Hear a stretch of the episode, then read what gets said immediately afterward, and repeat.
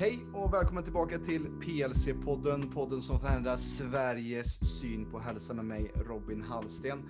Och idag har jag en gäst som jag är jätteexalterad och tacksam över att kunna ha med för att detta kommer att vara ett väldigt givande eh, konversation är jag garanterad över med min vän också faktiskt får jag säga. Hon är affärscoach, livsdesigner, parterapeut, digital nomad och är också bokaktuell med boken Våga släppa taget, hur jag sålde allt och började leva. Hon har också varit med i Godmorgon Sverige, Malou efter 10, Nyhetsmorgon och nu på PLC-podden. Välkommen Camilla Levertilvi. Tack så jättemycket Robin, tack. Eh, och det är jättefantastiskt just det här uh, samtal vi kommer att ha och snacka just kring kanske vad är en digital nomad och så vidare. Eh, och någonting som också är kul är att jag har ju gått in coachingutbildning. Du utbildar också coacher eh, som jag gick för fyra år sedan och det har gjort en, lagt en grund till mig till vad jag gör idag. Så det är också kul här att, eh, att ha dig på podden. Så jättekul att du ville ställa upp här. Och jag har ju precis radat upp de här sakerna som du är, Camilla på papper liksom.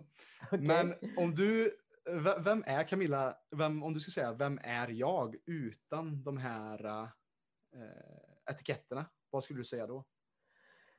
Ja, det är alltid svårt när man får en sån fråga, men jag tänker spontant kom just nu är eh, mer en äventyrare. Så jag är alltid nyfiken på både en resa utanför mig själv och också en resa inom mig själv.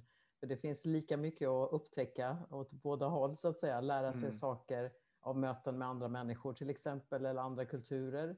Men lika mycket i mötet med mig själv förstås. Så att jag skulle säga en inre och yttre äventyrare kanske. Mm. Jo, men det kan man lite är någonting som eh, får in allting som du gör också kanske i, i en ram eller i ett, ett koncept kanske så faktiskt.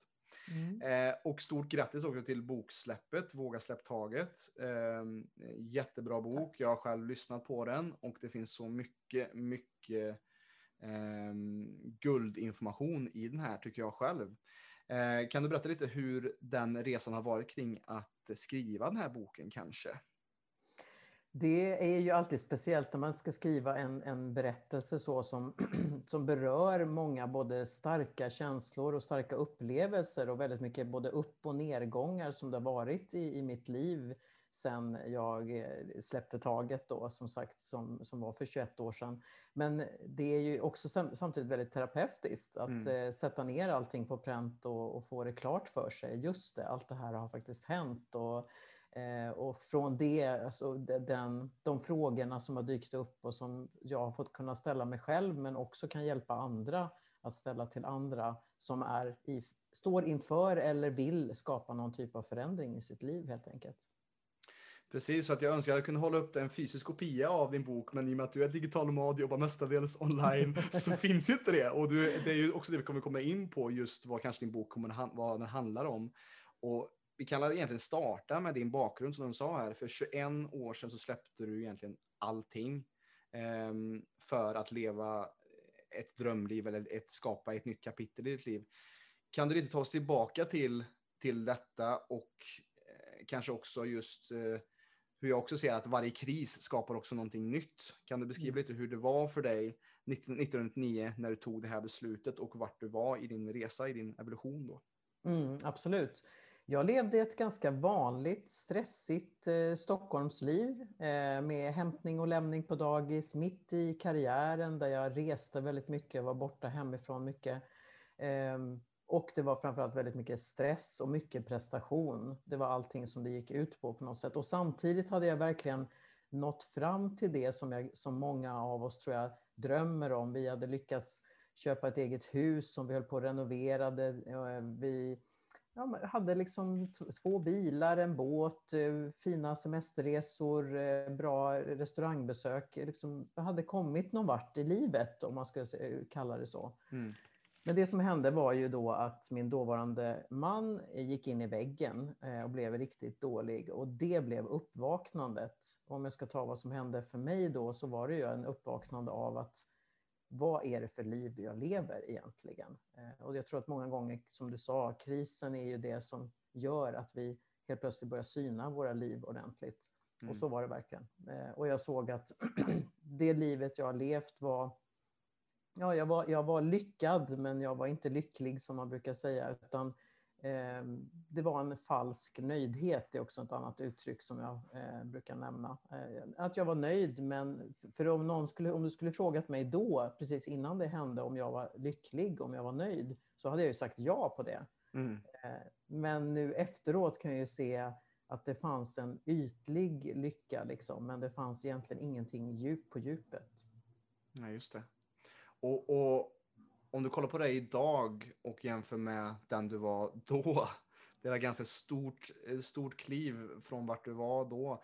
Men vad är, skulle du säga, den största skillnaden där för dig? Den största skillnaden är nog tryggheten i mig själv. Mm. Att våga vara den jag är och att våga följa flödet i livet helt enkelt. Och mm. eh, känna frihet också, för det har varit en, en ledstjärna för mig genom den här krisen, att jag verkligen längtade efter frihet. För det jag kände i uppvaknandet var ju att jag var väldigt, väldigt fast i mm. massa normer, eh, riktlinjer, eh, så som det borde vara. Eh, så nu kan jag känna mig mycket mer fri. Och mm. jag har släppt framförallt mitt kontrollbehov mycket, som jag hade väldigt starkt då. Eh, det tycker jag.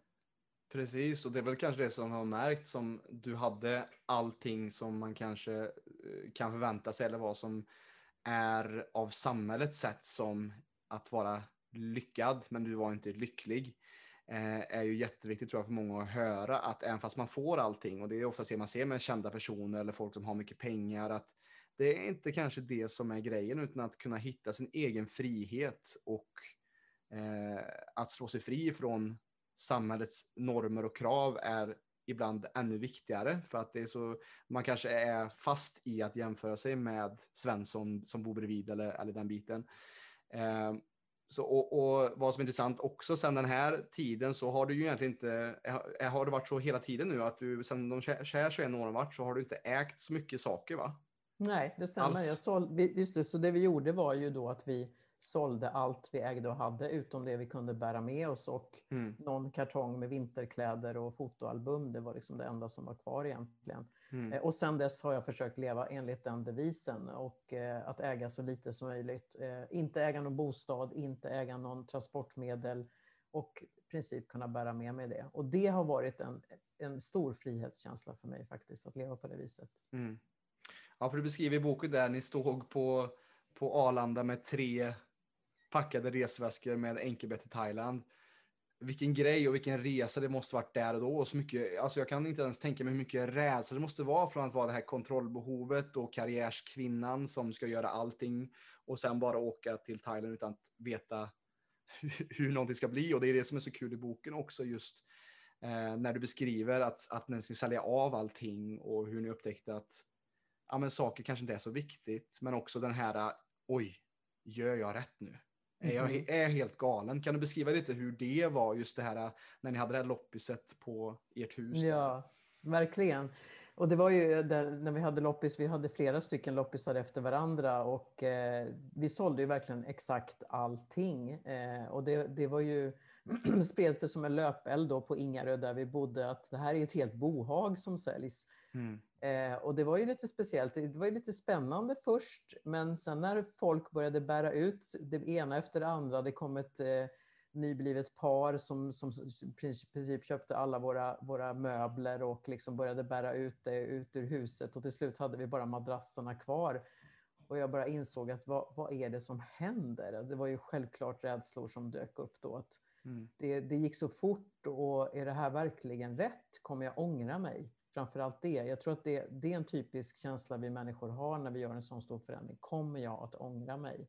Mm. Eh, och där, där, fick jag, jag lyckades, lyckades hitta egentligen två stycken verktyg. Och det ena var att verkligen våga möta rädslan fullt ut. Och det är ju den klassiska, vad är det värsta som kan hända? Just det. Eh, och den är ju jätte, jätteviktig. Att jag vågade tänka så här, men vad är det värsta som kan hända? Ja, det skulle ju vara då att vi gör av med alla de pengarna vi, vi har och vi kommer tillbaka och har inga jobb och ingenting landar med vår då sexåriga dotter på Arlanda. Ingen bostad, inga saker, inget jobb.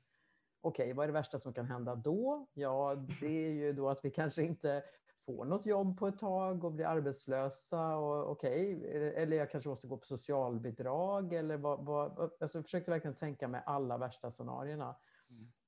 Och ändå kunde jag känna då när jag väl hade vågat möta den här frågan gång på gång på gång att det är ändå värt det. Även om det skulle hända så är jag beredd på det för att jag måste göra det här nu. Jag måste faktiskt prova. Jag måste våga prova.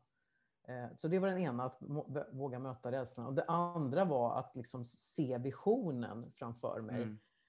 Och jag kunde inte tänka till Thailand ens. Den enda visionen jag såg var att stå på Arlanda och vara fri. liksom. inte ha några nycklar, inte ha massa saker. Veta att vi har lämnat allting och det är helt tomt. Det är bara det vi bär med oss som, som finns där. Eh, det var det som var visionen som jag liksom såg fram emot. Det är dit vi ska på något sätt. Ja, för att många kommer ju aldrig dit kanske när man gör en så man tänker alltid bara på det, vad är det värsta som kan hända, mardrömsscenariot. Och man tänker inte ens på vart kan det här ta mig? Vad är, det bästa, vad är den bästa utfallet för den här saken? Och det är så svårt att också se det i, sin, i sitt huvud, hur bra saker kan bli med ens kanske medvetandenivå som man är på när man är kanske som du var där. Mm. För, för någonting som du också i, i boken just eh, snack, snackar mycket om är ju det här också, eh, den otroliga kärleken för eh, din dotter också, Telma. Eh, mm. Just den här, många är ju också kanske rädda att släppa taget och hittar också ursäkter. Att mm. men jag har barn, jag har familjen är hemma och vad kommer de säga? Och kan du lite beskriva vad, vad gick i tankegångarna där genom att också att du hade barn Mm. Eh, släppa taget om allt och vad folk sa till dig. Alltså det måste mm. varit så många som varit frågande till vad fasen håller du på med? Nu har hon blivit galen Camilla. Ja, absolut. Det var både och. Det var faktiskt ganska många som ändå sa var modigt eh, att göra det här. Mm. Och det låter viktigt för er att göra det. Så att jag, och det, jag önskar att jag själv vågade göra det där.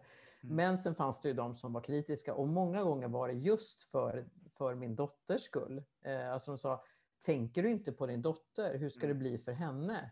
Eh, och då, då, svarade jag tillbaka, det är ju precis henne jag tänker på. Eh, det är ju, om jag tittar tillbaka på det livet vi levde innan det här hände så var ju inte vi speciellt närvarande. Jag var framförallt inte en närvarande förälder. Jag var borta mycket, jag jobbade alldeles för mycket. När jag väl kom hem var jag stressad och trött. Eh, jag var inte en närvarande bra förälder. Så då eh, kändes det just att ja, men det här är att köpa oss tid egentligen. Köpa tid och ha tillsammans med min dotter helt enkelt. Mm. Så det, det, var, men det var många, och det är ofta, ofta just barnen som vi tänker på där. Gör vi rätt eller gör vi fel? Och den typen av frågor har man som förälder alltid. Om, om jag har satt mitt barn till rätt, i rätt skola? Eller ja. har de rätt kompisar? Eller eh, har jag sagt rätt saker nu så att det blir så bra som möjligt? Den, mm. den oron bär vi alla, tror jag, på som föräldrar. Eh, och nu blev det ju extra stort därför att vi valde att göra en, en, en sån förändring som var en helt någonting nytt som ingen annan hade gjort nästan förut. Jag kände i alla fall ingen som hade gjort det förut. Eh, och då blir det ännu mer så här, men gör jag då rätt när jag gör någonting helt nytt? Liksom? Mm.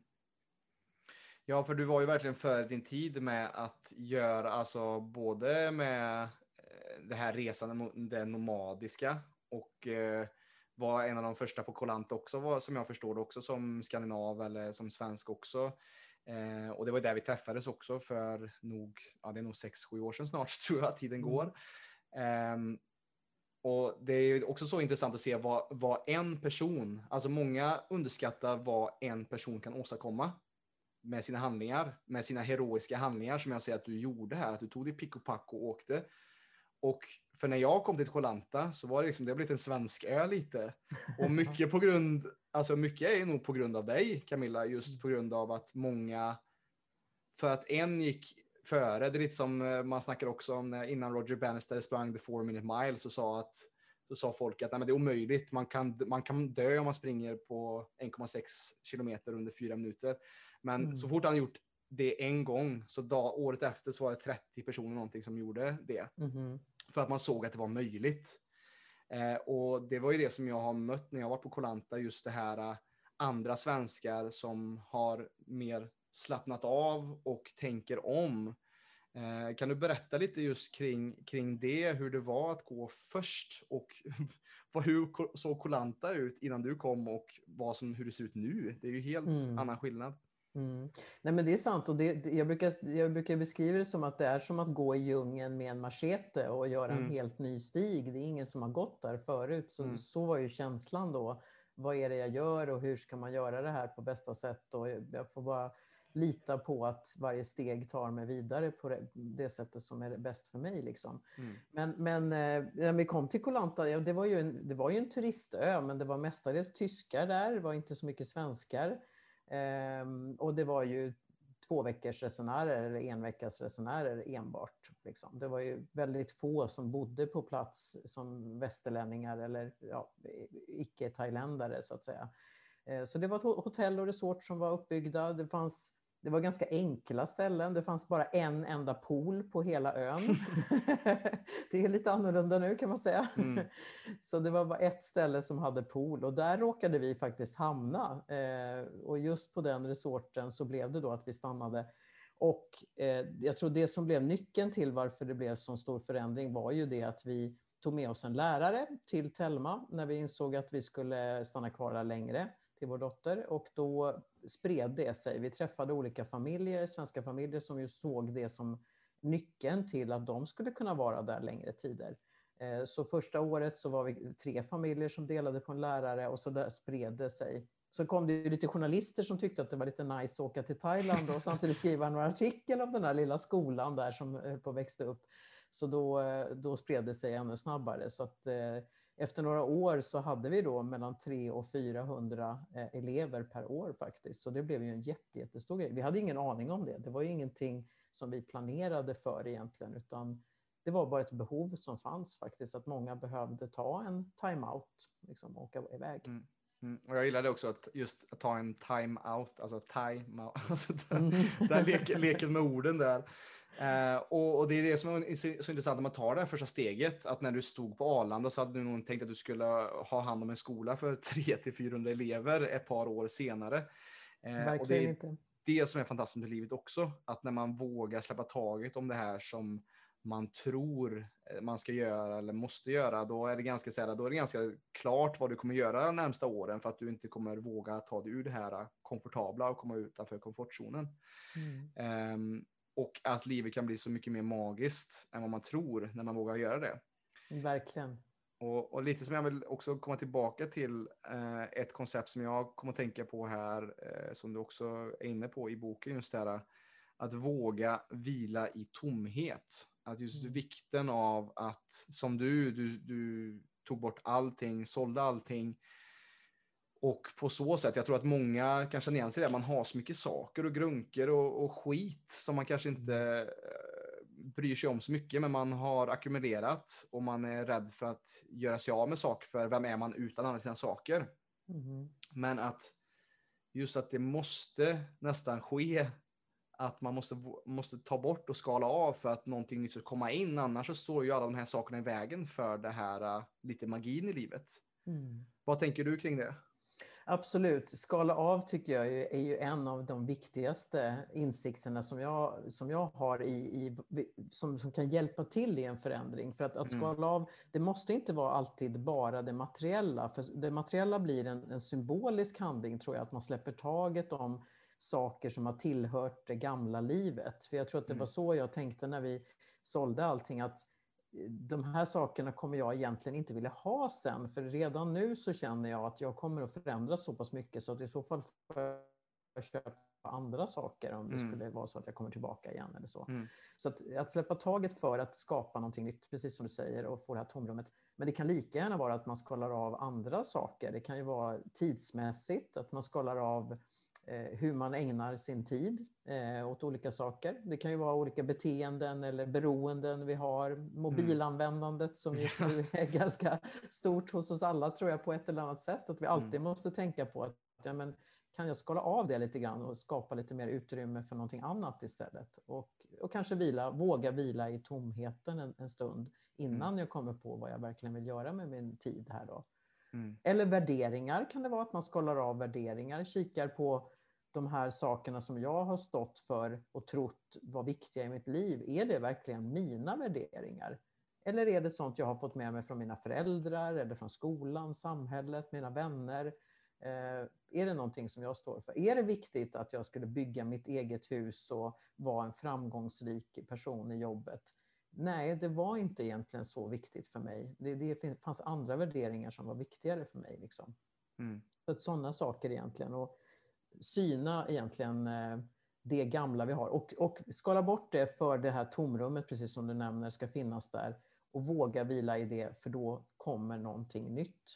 Precis. Det kan vara lite läskigt och det kan framförallt vara ganska uttråkande att vara där i tomrummet, men från att känna sig uttråkad kommer ofta kreativitet. Så att eh, våga vara där. Mm, precis, och det är jag tror någonting som är viktigt för folk att höra, för att folk mycket det som vi jobbar med på PLC med klienter som är oftast de är utbrända eller stressade. Eh, och vi snackar också mycket om konceptet work-in eller meditation och gå inåt, göra yoga, tai chi, qigong eller ta en lugn promenad med sig själv bara. Att folk mm. har inte ens tid till det idag eh, och gör inte tid för det här tomrummet så att man mm. kan bli uppfylld av någonting annat. För det är, som du varit inne här på, vi, jag snackar ju lite om just fysiska, eh, den fysiska grejen, men du var ju också inne här på värderingar med den också mentala. Mm.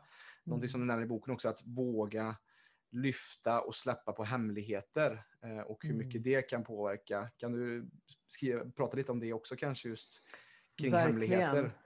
Ja, men hemligheter är ju någonting som tar väldigt mycket energi när vi ska liksom hålla de här hemligheterna. Eh, så att att rensa, för det var någonting som, som vi jobbade med då, att, att liksom mm. verkligen berätta för varandra saker som man kanske gått och tyngt på, som man inte velat eller vågat berätta för varandra. Mm. Eh, och det tar energi och det tar kraft och det, det kan förstöra ganska mycket. Eh, så att, att verkligen se till att, att, att kunna se, i alla fall syna möjligheten att kunna berätta det. Vissa mm. saker är det kanske så att man skada någon annan för att berätta, okej, okay, då får man väl värdera om man ska göra det eller inte. Men, mm. men, många gånger sitter vi nog och bär på hemligheter som vi verkligen skulle må mycket bättre av och som skulle kunna rädda en relation eller förbättra en relation om vi vågade säga det. Mm. Så den, den är också jätteviktig energimässigt, att göra rent, liksom, rensa rent i sig själv. Precis, för det är också något vi snackar också mycket om på PLC, just eh, inte både den fysiska hälsan, men också den mentala hälsan och att tänka rätt. Att ha rätt mm. tankesätt och det delar du också med dig av i boken. Snackar mycket om boken här, men det, det mm. är fantastiskt att, att du har den som resurs också. Eh, och eh, du delar med dig av affirmationer och sätt att tänka på. Eh, just på det mentala. För att folk, eh, kanske när man kommer till en livsstilsträning, man tänker på hur man ska äta och vad man ska träna, men inte riktigt hur mycket man ska... Alltså det gäller också att tänka rätt. Hur viktigt har det varit att hålla eh, skutan för dig i det mentala genom den här processen som du har gått igenom i ja, egentligen hela ditt liv såklart? Då? Mm.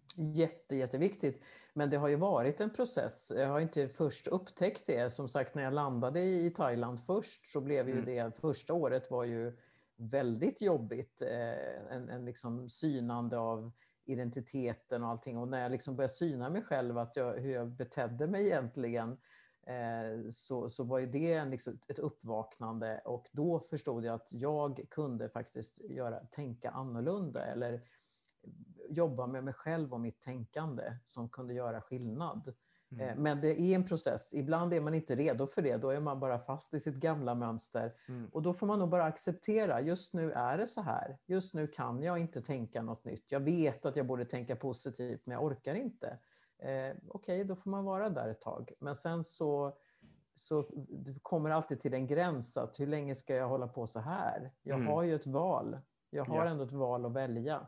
Och då hittade jag olika verktyg som funkade för mig, olika tankesätt som funkade och som jag har kunnat dela med mig av som kunnat hjälpa andra också. Mm. Kan, du, kan du ge eh, de som lyssnar kanske ett tips och verktyg på ett, eh, vilket är det bästa tips när det kommer till just din, den mentala och kanske även vart ska man starta då om man känner att man är väldigt nere i det mentala och nerkörd? Vart ska man starta? Ja, jag skulle nog säga ändå tillbaka till det här med skala av. Att eh, mm. kika på vad det är man kan skala av som faktiskt inte leder en dit man vill. Eh, och det kan vara till exempel beroenden eller hur vi liksom ägnar vår tid eller våra tankemönster. Att vi börjar titta på vad, vad, är det, vad är det första jag tänker när jag vaknar på morgonen? Är det en negativ tanke? Åh nej, du, är det den här dagen? Eller sådär. Hur kan jag då välja en annan tanke? Vad, vad, vad, skulle jag kunna säga istället? Finns det någon tacksam, någonting jag kan vara tacksam över? Eh, och det handlar oftast, när man mår riktigt dåligt, tror jag handlar väldigt mycket om de små, små stegen. Jag tror att många som mår dåligt vill ju förstås så fort som möjligt må bättre. Alla vill ju må bra. Eh, men det går inte alltid att ta de här jättekliven med en gång, utan det är de små stegen som kommer att göra den stora skillnaden. Och att man bara blir nöjd med att ja, men jag, idag lyckades jag i alla fall sätta mig i soffan och andas, göra den här mm. andningsövningen jag lärt mig en gång. Och det mm. räcker. Ja. Eh, det, jag, jag, kan vara nöjd med det helt enkelt. Mm. Och nästa dag kunde jag göra det två gånger och tredje dagen tog jag mig faktiskt ut och promenerade. Mm. Eh, och små, de små, små stegen att vara tacksam och inte kranka på oss själva för allting annat vi inte har gjort den dagen. Ehm, och då kan vi liksom fira de små framgångarna och till slut så klarar vi göra de större sakerna helt enkelt. Exakt, och det är ju som, som vi möter på också, säkert du också när det kommer till coaching, att man, man har ett mål och det är för stort och, och man kollar för långt fram i spåkulan eller eh, man behöver bryta ner målen till saker som vad kan jag faktiskt göra idag? För att mm. framtiden, den, den existerar inte egentligen, så är inte den existerande för att det enda vi upplever är nu, mm. nu, nu, nu, nu. Så det är liksom, vad gör vi i nuet för att ta oss dit? Hur kan vi mm. bryta ner de här små målen? Det är samma, vi jobbar mycket med, eh, en av våra grundprinciper som vi jobbar med för att få folk i balans, det är att tänka på andningen. Och jag säger det, vi tar ungefär 20-25 000 andetag per dag. Du kan mm. inte göra alla medvetna på en dag, men som du säger här, kan vi göra ett par mm. medvetna andetag i soffan och sen sakta vända på att andas mer med näsan och ner i magen och få ner mm. andningsfrekvensen för att skapa mindre stress i mm. kroppen så kan man komma väldigt långt. Men det mm. kan kännas väldigt futtigt eller fjuttigt när man ska komma igång på den här äh, tusen mila resan eh, mm. faktiskt. Eh. Jätteklokt. Det är jättefint att du säger det för andningen, bara det lilla, mm. alltså hur det vi gör i vardagen, att bli mer medveten, hur jag beter mig, hur jag tänker eller hur jag andas mm. kan göra väldigt, väldigt stor skillnad. Verkligen. Så det är ju superbra tips, verkligen. Precis, för det, det, du håller ju också på med mycket yoga nu för tiden. Mm. Eh, att, att det märker man också själv där, hur mycket det kan reglera ens mående. Alltså före och efter ett pass, just hur mycket lugn, mm. djup bukandning kan verkligen förändra dig från stress till harmoni på ganska kort tid om man, om man gör det helt enkelt. Verkligen. Jag tänker på med yogan så har det, det lärt mig att, att jag blir lite som på mattan så blir jag lite så i li, livet. Att jag kan faktiskt mm. välja att förändra mig utifrån hur jag gör min yoga. Att mm. Om jag vet att jag behöver inte vara var så mycket prestation, för jag kanske är jättemycket prestationsmänniska, men då kanske jag tar det lite lugnare på mattan. Inte, mm. Måste inte vara perfekt, måste inte vara, göra de svåraste sakerna, utan ger mig själv kärlek och liksom lugn. Eller så är det fokus jag behöver. Ja, men då kanske jag behöver göra övningar som verkligen får mig i fokus. Ja, men det kan hjälpa mitt fokus i resten av livet också. Liksom.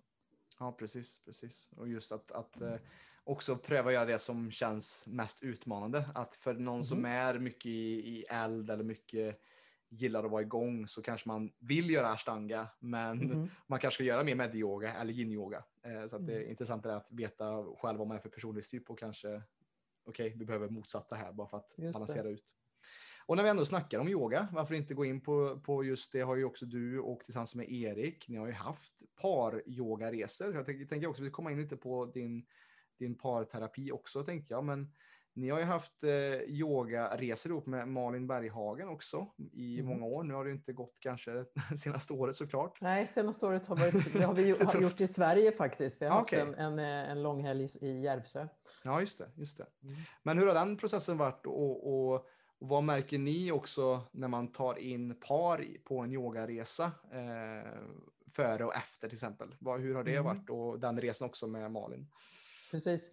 Eh, det har ju varit en fantastisk kombination därför att Malin gör ju paryogan då en, en gång om dagen på morgonen och då får ju paren mötas i det fysiska där man kan hjälpa varandra, man gör övningar tillsammans, där man kanske får, får jobba med tillit och mm, acceptans för varandra och så vidare. Så att det kan bygga väldigt mycket saker när man gör olika övningar tillsammans. Och det är verkligen inte så att de här paren är några experter på yoga. De flesta, måste jag säga, av, männen har knappt yogat någonsin. De kommer dit och är stela som kylskåp, självklart. Och, så och det är inga avancerade liksom, övningar vi, som Malin har gjort, utan det är väldigt, väldigt enkelt som, som alla kan göra verkligen. Men kan skapa en enorm närhet och, eh, och kärlek kärlek också, så kan det öka på återromantiseringen som vi pratar om. Mm. Och sen har ju jag tillsammans med Erik då haft eh, parworkshops på eftermiddagarna.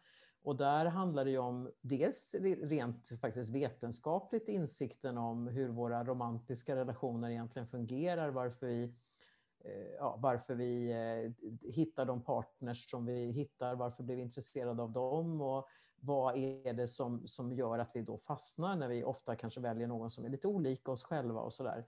Eh, och vad kan vi göra för att eh, ta oss vidare liksom, från de här sakerna. Och, och framförallt, lika mycket som man jobbar med det jobbiga som man vi fastnar i, så jobbar vi lika mycket med att stärka det som redan finns, det positiva som finns. Hur kan man skapa ännu mer en återromantisering? Och det brukar ju under en vecka i Grekland då med både den här yogan på morgonen, läxor som vi brukar ge, viktiga frågor att, att både mm. reflektera kring var och en och sen dela med varandra under mellanperioden och sen jobba tillsammans med eh, i, i då workshopen Fast var och en jobbar helt för sig själva. Man behöver inte dela någonting med gruppen överhuvudtaget. Så det är också en, en viktig princip vi har.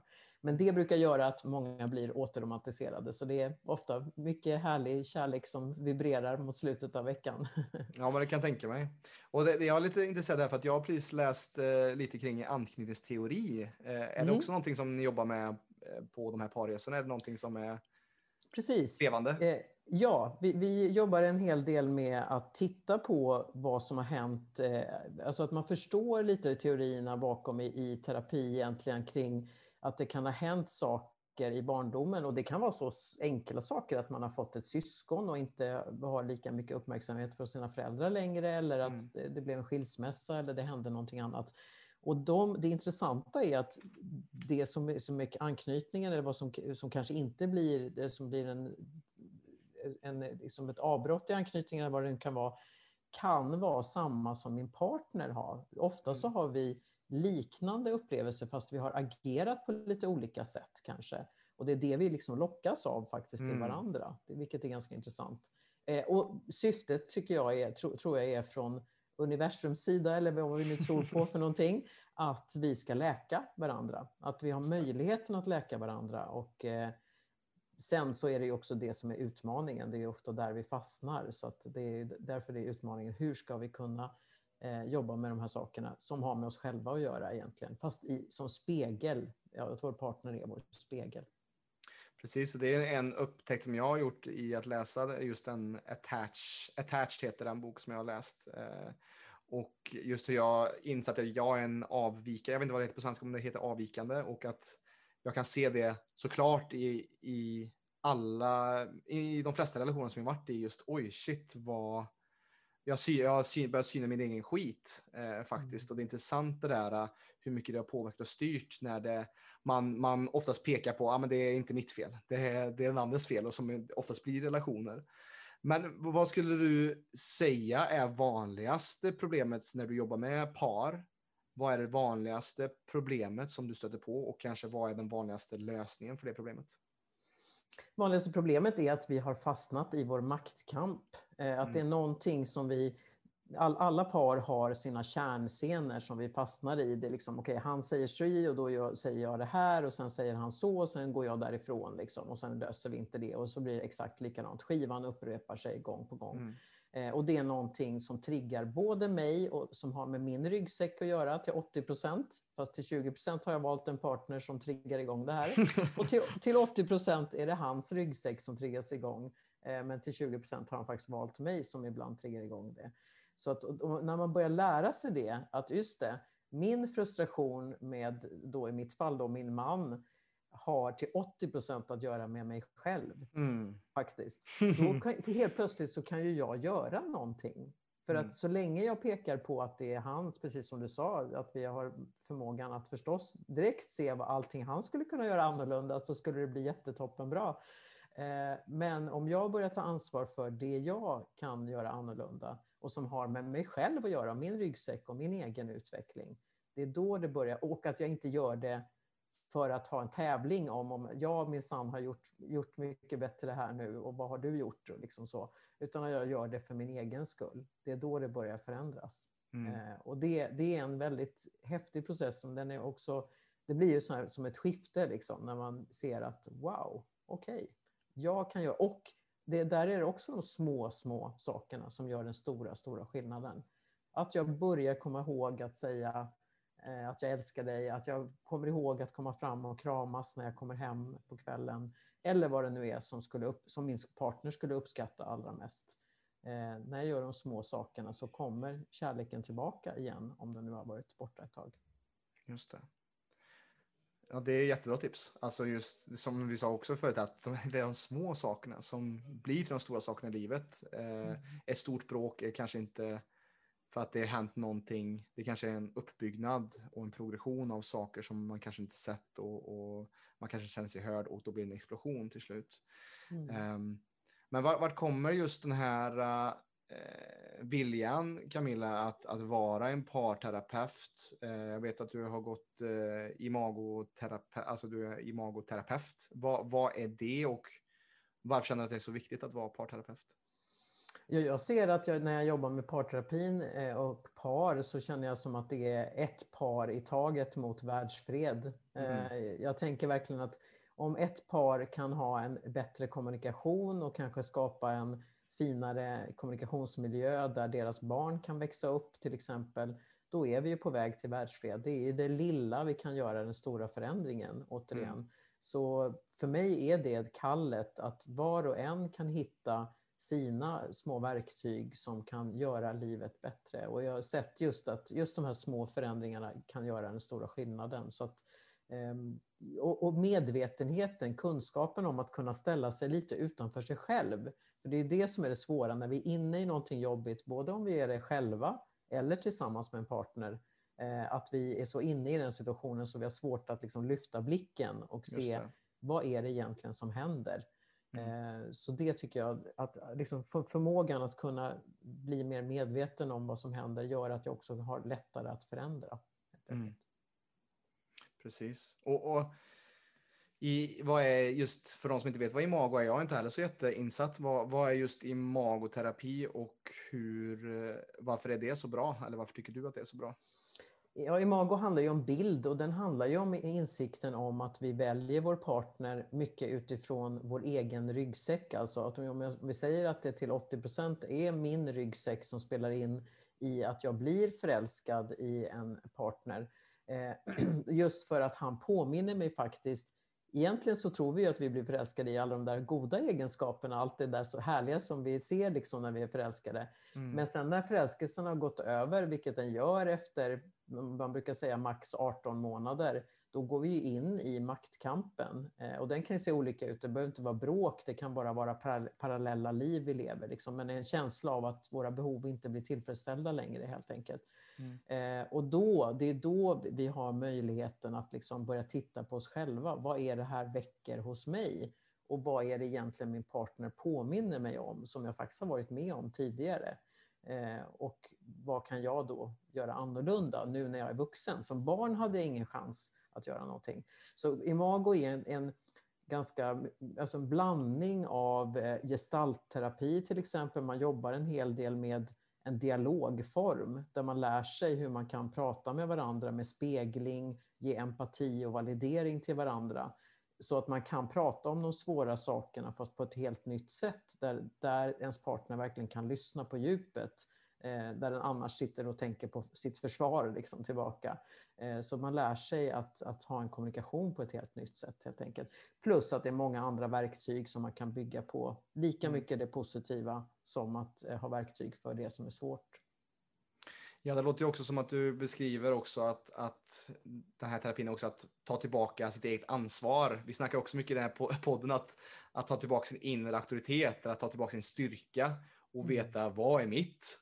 mm. i detta och vad är någon, någon, annans i, oavsett om det är en, en vänskapsrelation eller i en, eh, i en romantisk relation, så är det alltid så enkelt att peka fingret just och inte ta något ansvar och gå in i en kanske en offerkofta eller offerroll.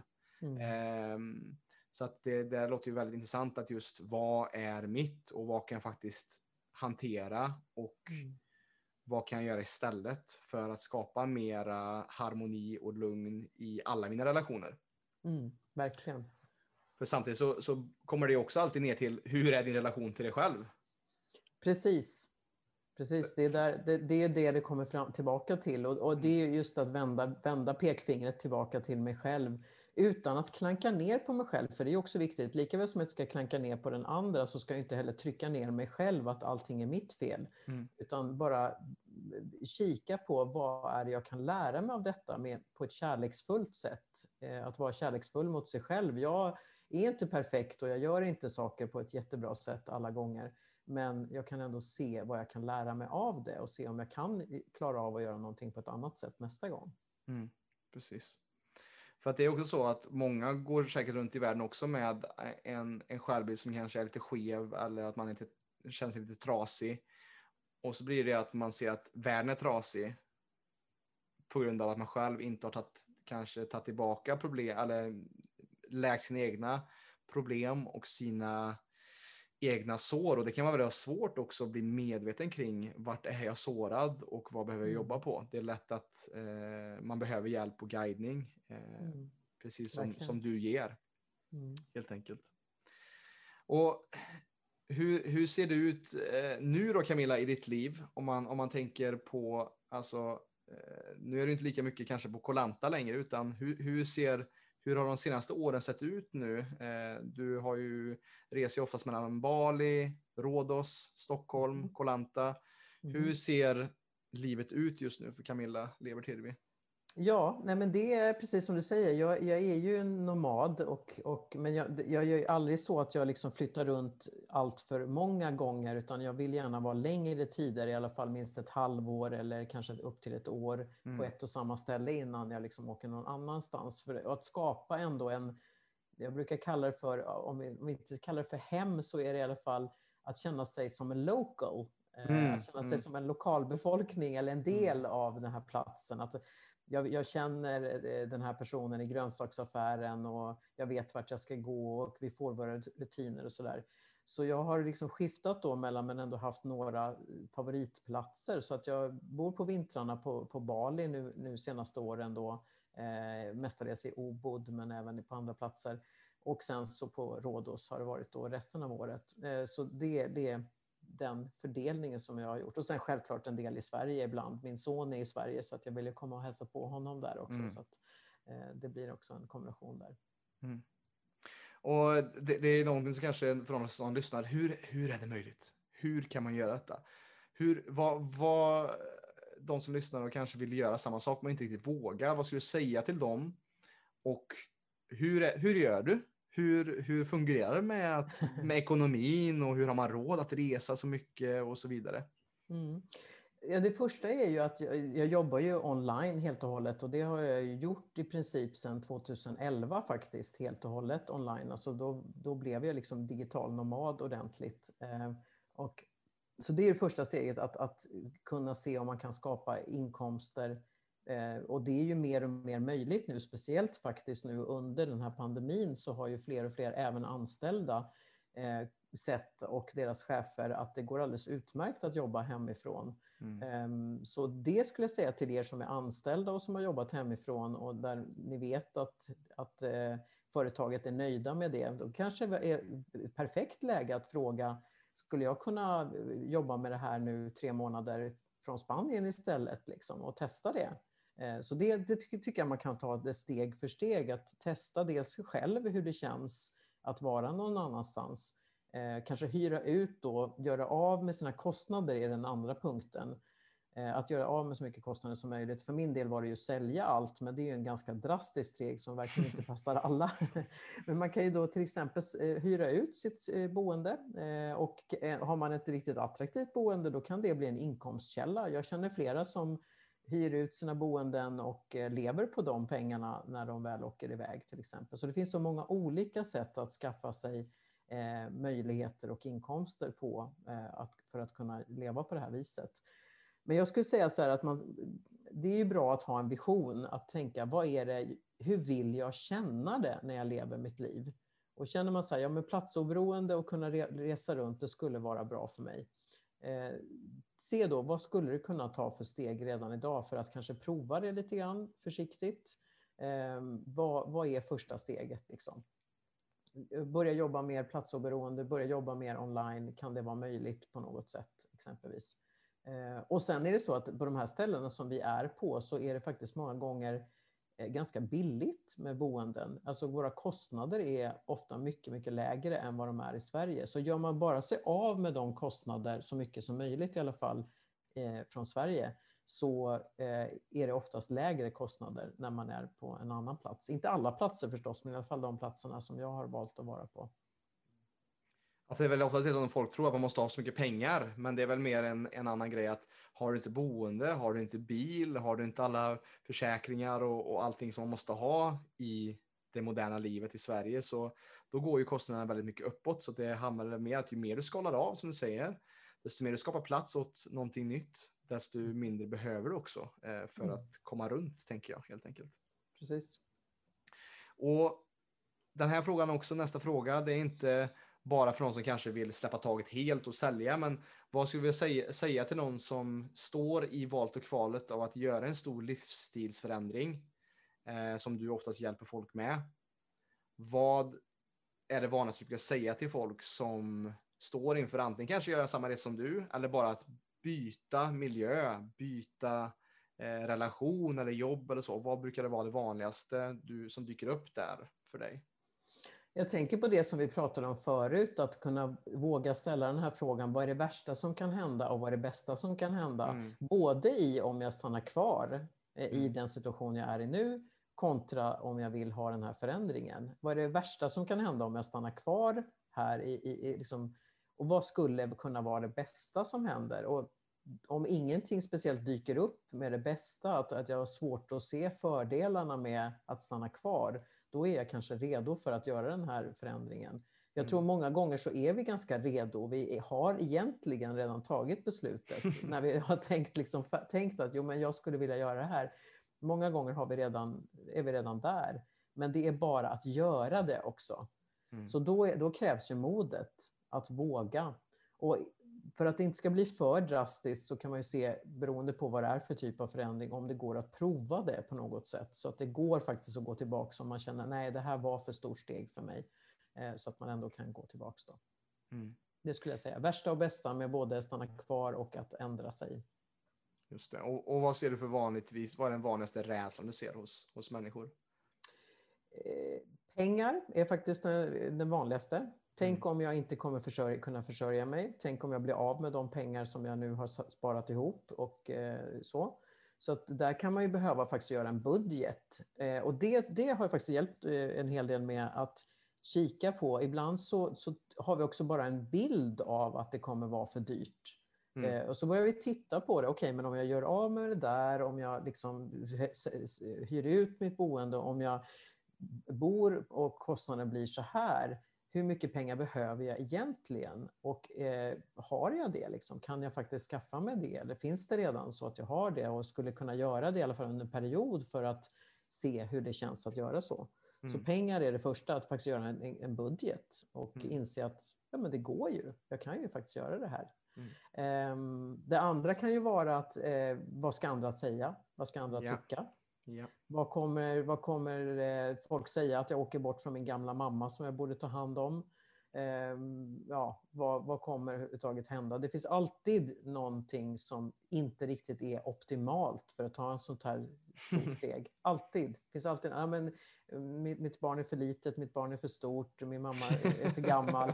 Alltså, allt det där finns och så nästa, när man väntar på att det ska förändras, ja men då kommer nästa grej. Liksom. Ja. Så man måste någonstans säga, nej men nu har jag kommit till den punkten att jag vill ändå göra det här. Även om det kommer att kosta på på något sätt lite grann. Eh, men har man något sån här förstående släktingar, familj, vänner eh, och man kan förklara varför det här är viktigt för en så hoppas jag att de kan finnas där. Och annars, om de inte är det, nej men då kanske du måste göra det ändå. Mm. För att det är viktigt för dig. Exakt, för det är någonting som kommer till mig där är just att det finns alltid ursäkter för den som letar efter ursäkter. Mm. Ehm, att man letar alltid efter, nej men det är inte för mig eller det här skulle aldrig passa mig. Ja, det är så lätt för dig att säga Camilla. Alltså, mm. det, är så, alltså det, det kommer mycket det här att nej, men det är så enkelt för dig. Du, mm. du som redan är framgångsrik, ja men du kanske inte alltid var framgångsrik och det fanns mycket rädslor, det fanns mm. mycket osäkerheter, det fanns mycket oklarheter. Men det är också som jag gillar, eh, mycket som Joseph Campbell snackar om The Hero's Journey, just att, att man måste man måste gå ut utanför, precis som Frodo går utanför The Shire och, eh, och, och Simma måste utanför eh, kungadömet för att växa sig och bli stark. Liksom. Det är just den här resan som man måste gå igenom för att växa sig starkare, så många inte vågar ta det här kallet. Du vet det här, det här lite mm jobbiga som känns i hjärtat kanske och där man blir lite oh, det pirrar till och det är lite fjärilar. Men man stänger ner den för att det är lite, åh oh, shit, vad, vad kommer hända ifall jag slutar göra det som min mamma, min, mm. min partner, min, min familj säger till mig att göra. För så Precis. var det också mycket för dig, alltså, som du också nämner i boken, alltså kring din familj. Eh, mm. att, att din pappa var väl inte så jätte positiv till detta, så du fick ju verkligen stöta på detta från alla olika håll. Verkligen. Och det tror jag också är ganska vanligt. Och så för, för min, min del var det ju det att pappa tyckte att hur kan du bara lämna allting när du nu är så framgångsrik? Du mm. har ett jobb som går bra, du tjänar okej okay med pengar, liksom du, du har till och med kunnat lyckas köpa ett hus. Men jag menar, det huset var ju upplånat upp över öronen. Det var ju inte mitt hus, det var ju bankens hus. Liksom. Eh, och så vidare. Men, men, i hans värld var ju det här, vi var lyckade, jag hade äntligen lyckats. Och eh, då kunde inte han förstå hur man bara kan kasta det i sjön. Och det kan jag förstå för att han hade fått jobba väldigt hårt för att komma dit och sen kunde han lugnt se att jag hade kommit dit och helt plötsligt bara kastade jag det över bord. Så i, i hans generation kunde han nog inte förstå vikten av att verkligen finna lyckan inom sig själv som var det som var, var syftet. Liksom. Och oftast är det nog så när det kommer till alla, allas föräldrar också, att de har en bild av trygghet och säkerhet och de vill att du som barn ska vara trygg och säker och må bra. Mm. Så därför blir det så att, vad gör Camilla? Hon säljer allt och flyttar till Thailand. Vad, mm. Hon har ju allt. Hon har ju allt som min generation strävade mm. efter så hårt och hon bara kastar bort det här. Vem tror att hon är? Exakt. Och sen samtidigt så tror jag att det var ju förstås att han, han skulle sakna mig. Han ville ju inte att jag skulle flytta. Nej, precis. Och det kunde han ju berätta för mig så småningom. Mm. Att det var, mm. det var, det som var hans egen egentligen rädsla. Mm. Eh, förstås, som fanns där också. Just det. Just det. Ja, det, det, är intressant just eh, familjetrådarna, hur, hur det går så djupt också. Eh, även mm. fast det är av välvilja i så säga, de flesta fallen, men att det tar i den formen av motstånd. Eh, mm. Men det är mm. också en del, tror jag, av att vara någons barn, att man också bryter sig loss eh, och mm. skapar sin egen självständighet och skapar sin egen väg, som du sa, här, macheten genom Macheten, exakt. vi kommer exakt. Och jag, tror, jag tror man ska tänka på när man känner att det är någonting som pockar på. Du var inne på det lite grann. Att jag tror nämligen också på att vi, många bär på väldigt eh, fina idéer och visioner om sitt liv. Vad de skulle önska att, att göra. Men må, liksom, få gör det. Så att mm. liksom, visionen finns många gånger. Lite, kanske inte helt klar, men i alla fall en känsla av hur man vill leva sitt liv. Eh, men sen så kommer det liksom aldrig dit. Så det, det är det att man känner igen att nu pockar det här på för mycket. Alltså jag, nu är det dags. Jag mm. måste våga göra någonting som är utanför min komfortzon. Och det behöver verkligen inte vara så här stora saker som, som jag har gjort, utan bara gå utanför sin egen komfortzon lite, lite grann. Eh, för det gör ju också att man växer. Jag kan känna så här, när jag nu har gjort det och det här har lyckats en gång, så vågar jag göra andra saker som är utanför min komfortzon igen. Eh, även om jag misslyckas, för det är också okej okay att misslyckas, för då, då det stärker ju min, min själv, mitt självförtroende, min självkänsla att jag ändå vågar, eh, oavsett hur det går.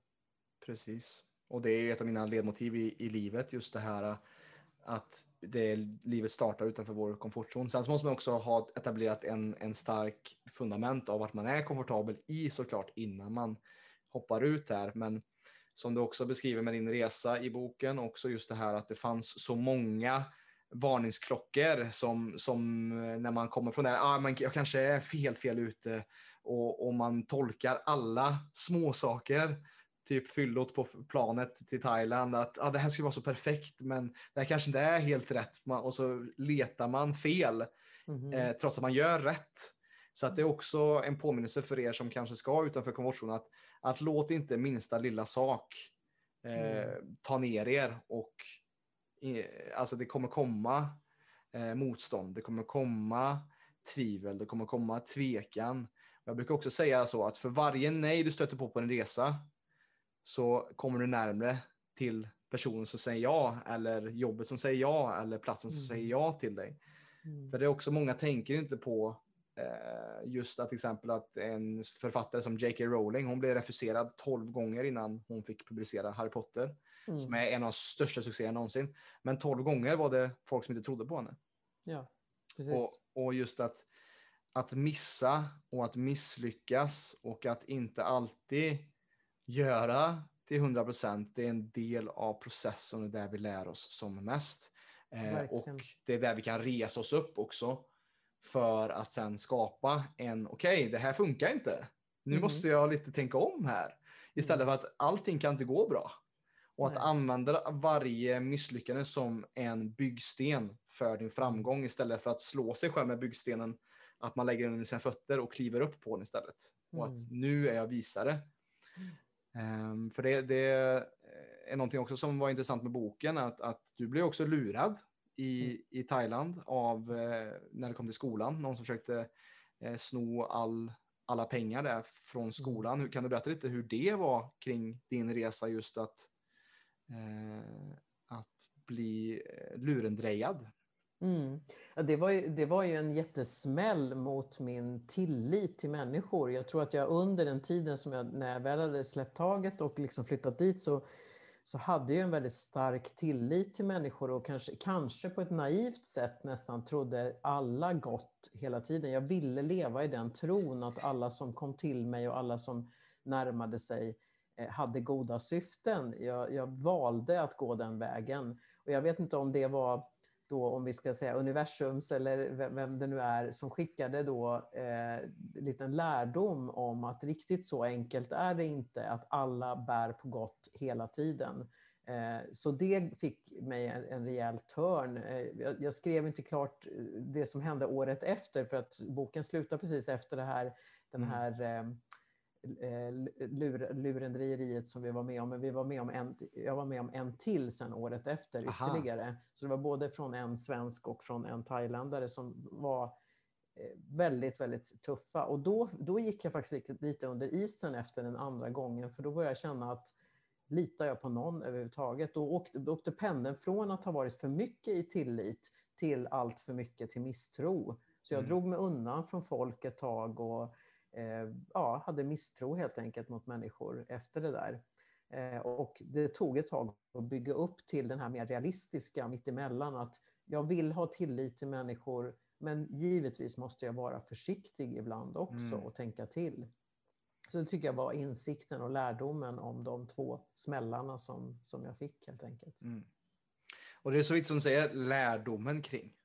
Istället mm. för att man väljer att se saker som att saker händer mot oss. Att det här kanske hände för dig för att du skulle kunna inse det här att mogna kanske från att inte vara så naiv när det kommer till möten med andra människor och mm. ta det som en lärdom och inte slå, slå ner dig själv för det varje gång efter annan. Okej, okay, nu har jag lärt mig detta.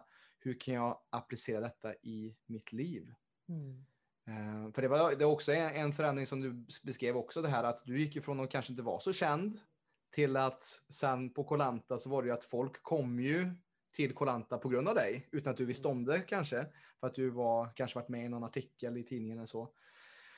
Och hur var det att gå från att folk bara kom fram till dig och ville prata med dig och ville ha din energi och din tid mm. utan att du hade bett om det? Och mm. just gränsdragningen kanske där. Hur, hur, sätter du, hur börjar du sätta gränser?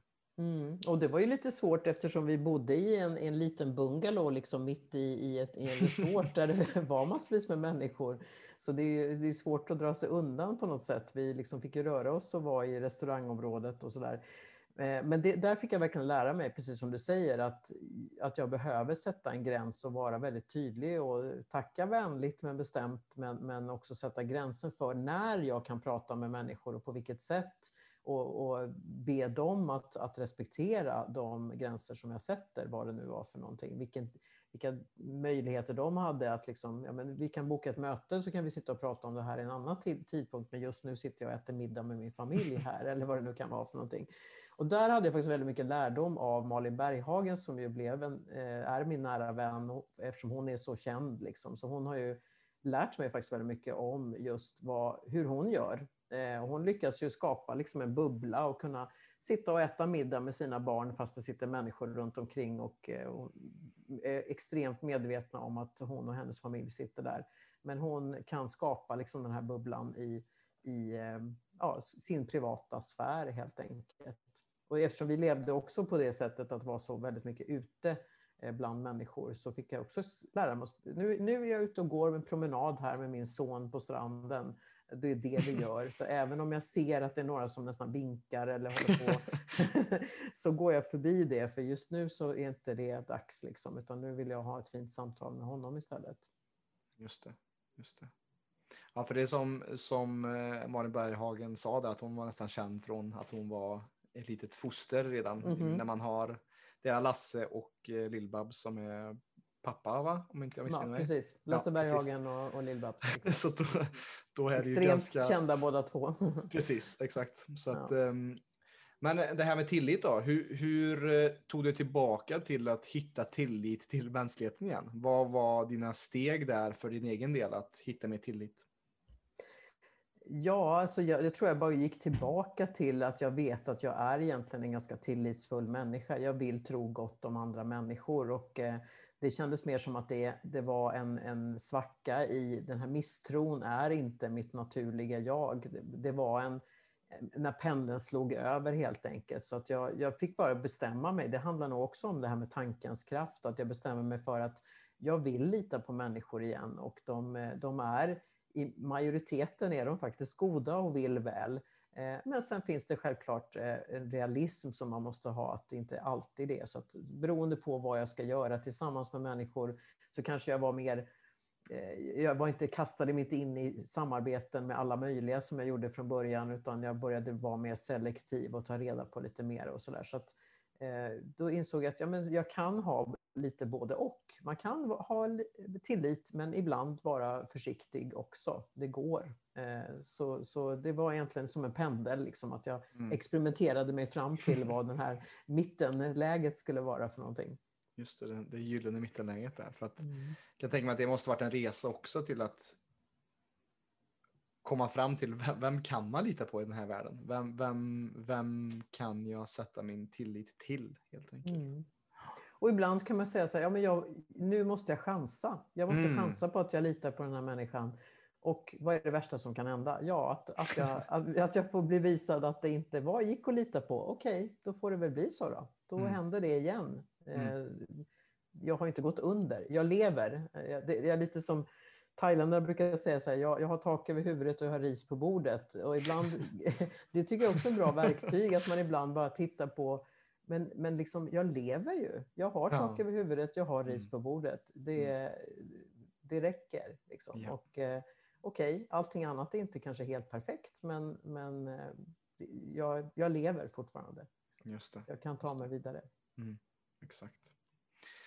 Och Camilla, jag, jag, har en fråga till dig. Eh, som vanligtvis så brukar jag fråga ibland så här, vad, vad hade du sagt till dig själv för 10 eller 20 år sedan? Eh, och jag tänkte att jag ska fråga, nej men jag kommer inte fråga vad, vad skulle du sagt till dig själv 99 för att du har ju bara sagt, men kör bara. Ja, min, så min fråga till dig är, vad hade du sagt till någon som befinner sig i hamsterhjulet, som är superstressad, är i karriärslivet, är lyckad men inte lycklig? Vad vill du säga till den personen som lyssnar just nu? stanna upp. Stanna upp och känn efter på djupet vad det är du vill egentligen. Vad är viktigt för dig på, på riktigt? Vilka gånger är du riktigt lycklig? Vad är det som ger dig den här starka, sanna lyckokänslan egentligen? Och hur kan du få in mer av det i ditt liv framöver? Och vad behöver du i så fall släppa taget om för att mm. bereda det plats? Just det. Mm, den gillar jag. det där gillar jag. Just det, stanna upp, för att det är oftast någonting som det här, någonting som blir bortprogrammerat i dagens samhälle med alla skärmar och vi är uppkopplade jämt. Det är tystnaden är någonting som är en bristvara för många mm. människor. Och när vi inte har nog med tystnad i våra liv så kopplar vi bort hjärtat mycket brukar jag säga. Att mm. det är när vi stannar upp och är i stillhet, i meditation, kontemplation. Mm. Det är mm. då oftast det här eh, magiska eller den här intuitionen kommer till en och det kanske singlar ner från ovan kan det kännas som ibland. Mm. Och det, det gillar jag verkligen när du sa att hitta tystnaden och hitta spacet också. Alltså mm. hitta, kanske byta miljö, reflektera över saker, mm. skapa tomrum. För att veta man måste göra det för att veta, man måste liksom dra bak bågen och spänna den för att man ska kunna komma framåt. Mm. Jag, jag, jag håller med också om just det här med reflektion, ja, och reflektion att, att skapa reflektionsavstånd. För det var ju det som blev för mig då när jag åkte iväg, att då fick jag ett reflektionsavstånd för hur jag egentligen hade byggt upp mitt liv. Det är ganska svårt att se det i realtid när man står mitt uppe i det. Det är därför jag, både du och jag pratar om det här med att stanna upp och, och, då är det lättare att stanna upp kanske och sen också förflytta sig och vara i tystnaden där och liksom kika på eh, i reflektion. Mm. Vad är det jag befinner mig egentligen och vad betyder det här eh, för mig och hur, hur, hur känner jag mig? Ja. Och oftast är det de som har svårast att stanna upp som behöver göra det mest. ja, exakt. Exakt. Om man hatar det, ja men då är det precis det du behöver. Exakt, det finns någonting där i det motståndet. Så om du lyssnar på detta och känner att jag hatar att ta det lugnt och stanna upp. Mm. Och så fort du stannar upp så, så börjar, ah, men jag kanske ska tvätta fönstren idag. Ah, jag kanske mm. ska börja på ett nytt projekt i trädgården. Eller alltså, mm. våga vila, våga ta det lugnt, våga lyssna och mm. se vad som dyker upp. Du kommer nog bli förvånad eh, efter att haft kanske de här jobbiga tankarna eh, kring mm. att ta det mm. lugnt. Och vem är jag då om jag inte tar, gör någonting? För att vi är ständigt i att lägga värdering i att jag är bara det jag gör och inte ja. att jag bara kan vara. Nuet, här och nu. Verkligen. Precis. Um, men eh, om vi då blickar framåt då Camilla nu har du precis släppt en bok. Eh, du har, det går full rulle med coachutbildningarna. Eh, som jag också, jag gick ju den själv som jag sa för fyra mm. år sedan. Ligger just i stor grund till vad jag håller på med idag. Eh, hur, vad, vad, ser du när du blickar framåt här nu, de kommande fem, tio åren? Vart vill du någonstans och vad vill du skapa mer av i ditt liv? Jag vill odla i Grekland. Mm. ja, nej, men det var en sak som kom direkt när du frågade. För att eh, Erik och jag har väl, en, min man, en, en vision av att vi eh, också ska börja odla mer här på, i Grekland där vi bor. Eh, och liksom bli självförsörjande. Vi, vi, mm. äter, vi är veganer eller vegetarianer och eh, äter mycket vegetariskt och då känns det ju naturligt också att kunna, kunna bli självförsörjande i det. Då blir man helt plötsligt bönder. Då kan man ju inte vara fullt ut en nomad kanske. Men jag tror att det är så här att Erik är nog mera den som kan vara kvar och, eh, och vara, vara bonden. Medan jag kanske måste ta på mig min ryggsäck då och då och dra iväg med några månader. Och så har vi ju gjort faktiskt i vår relation nu de senaste åren också. Att jag, har, jag har åkt själv till Bali i mm. tre månader medan han har varit kvar. Så det är en sak. Eh, sen handlar det ju om, eh, eh, alltså jag utvecklar ju hela tiden, alltså utveckla, jag vill skriva fler böcker, jag kommer eh, skriva en livsdesignbok som handlar just om eh, ännu mer en självhjälpsbok, steg för steg egentligen, vad man kan tänka på för att designa sitt liv på så eh, bra sätt som möjligt. Ehm, parterapin kommer jag gärna vilja utveckla och eh, eventuellt skriva någonting om också. Så att det finns många idéer och, och projekt som, som väntar. Men jag planerar inte så mycket som jag gjorde förr, utan eh, det kommer att komma till mig, eh, det som mm. känns rätt. eh, och det som är i rätt tid helt enkelt. Så att, vi får se. Just det. Fantastiskt. Ja, men det, jag, det, jag tror det, om jag hade träffat dig för 20 år sedan så tror jag också det är en stor skillnad att den här tilliten som du skapade dig själv för att du sätter inte tilliten till huset, bilen, jobbet, utan du sätter tilliten till dig själv, till din inre auktoritet, att jag har klarat jättemånga utmanande saker.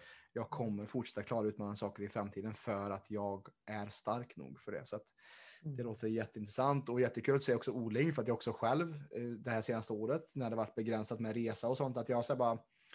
Jag vill skapa paradiset från insidan och ut och från där jag mm. bor. Mm. Och där så är det någonting som lockar mig också att bli självförsörjande i att kanske som jag som bor på en bondgård som inte är aktiv just nu att kanske dra igång lite lätt, även fast jag inte kan någonting, även fast jag är en bondpojk, mm. så, så kan jag inte så mycket när det kommer till odling och eh, djurhållning faktiskt. Eh, mm. Och det är någonting som lockar lite och jag tror många som har öppnat upp ögonen för detta också just när man ser hur skör också vår omvärld är på mm. många sätt och vis. Verkligen. Det ligger helt i tiden. Jag tror att det är många som kommer välja den vägen faktiskt. Mm. I och med att fler och fler kommer jobba eh, online, även mm. om pandemin lugnar sig eller går över, så, så kommer ju många företag liksom tillåta det. Så att det är säkerligen många som, som eh, kommer ta det steget, att flytta ut från storstäderna kanske och eh, ja, lära sig odla. Vi får lära, vi får lära om helt enkelt, mm. från våra rötter som vi kommer ifrån.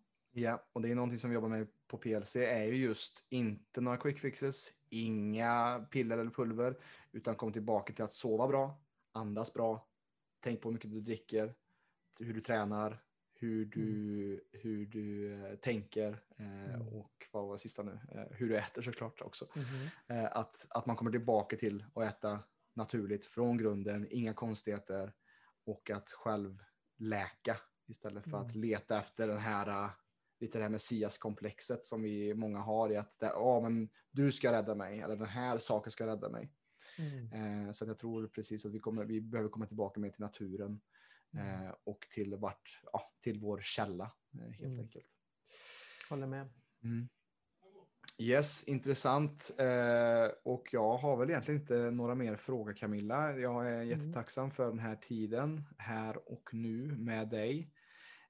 Um, jag Tack skulle, själv. Ja, eh, och eh, för de som är mer intresserade av att veta mer om dig, kan du kanske säga vart de kan hitta dig, hur de kan kontakta dig? Mm. Allra lättast är ju förstås att hitta mig på min hemsida som är www.camillaleberthirvi. Alltså Camilla C-A-M-I-L-L-A och så Lebert är precis som det låter, L-E-B-E-R-T och Hirvi H-I-R-V-I, det är mitt namn, .se. Där kan man hitta mig och det, även på det namnet kan du hitta mig på sociala medier, både på, på Facebook och på Instagram. Precis. Och jag vill också rekommendera såklart boken som jag lyssnar på, Våga släppa taget, eh, som du har skrivit och som har inspirerat, inspirerat mig eh, och som också varit grunden till mycket av det vi har snackat om här i detta samtalet. Jag vill också säga det för er som lyssnar och vill veta mer också om oss på PLC så kolla gärna in vår hemsida www.plclub.se för mer information. Och är det så att du känner att det här avsnittet har varit inspirerande och den här konversationen har någonting som har väckt någonting inom dig. Eh, så hjälp oss gärna att sprida detta avsnittet, dela denna länken till någon du känner eller till, dina, till din sociala media-flöde så att vi sakta men säkert kan förändra Sveriges syn på hälsa. Tack för idag och eh, ha det gott tills vi ses igen.